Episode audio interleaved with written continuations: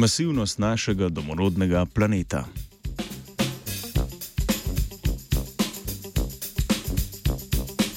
Kako izmeriti maso kamna? Ni panike, daš ga na tehnico in odčitaš težo. Kako pa se lotiš merjenja mase Zemlje?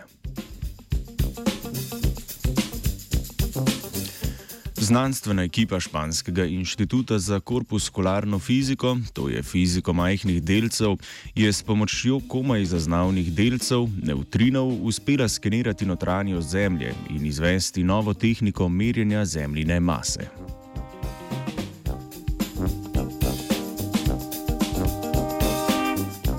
Nevtrini so majhni izmuzljivi delci, katerih dokazovanje obstoja je izjemno težko. Subatomski delci brez električnega naboja in z neverjetno majhno maso nastanejo pri beta razpadu, kar se dogaja tako v jedrskih elektrarnah, kakor tudi v zvezdah. Nastanejo pa lahko tudi ob prehodu visokoenergijskih delcev skozi našo atmosfero.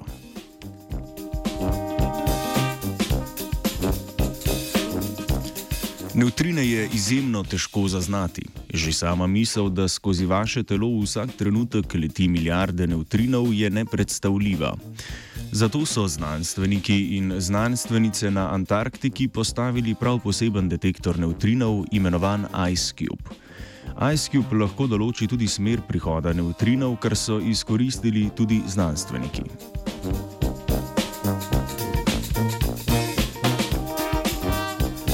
Ob preletu visokoenergijskih delcev skozi Zemljino atmosfero ti sprožajo plazove neutrinov, ki imajo različne energije in prehajajo skozi Zemljo. Ker različne snovi različno integrirajo z neutrini, lahko z merjenjem števila neutrinov določenih energij, ki prehajajo iz dane smeri, izdelamo modelsko napoved Zemljine sestave.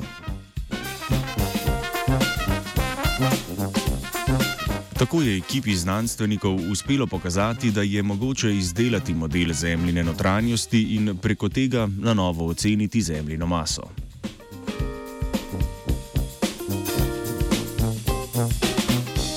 Z Britov je spisal Nates, ki vam naznanja še dodatno veselo novico. November je, ne da se delati, zato podaljšujemo rok za oddajo prijav na audicijo znanstvene redakcije do 18. novembra. Bodi z nami ali bodi kvadrat. Se vidimo.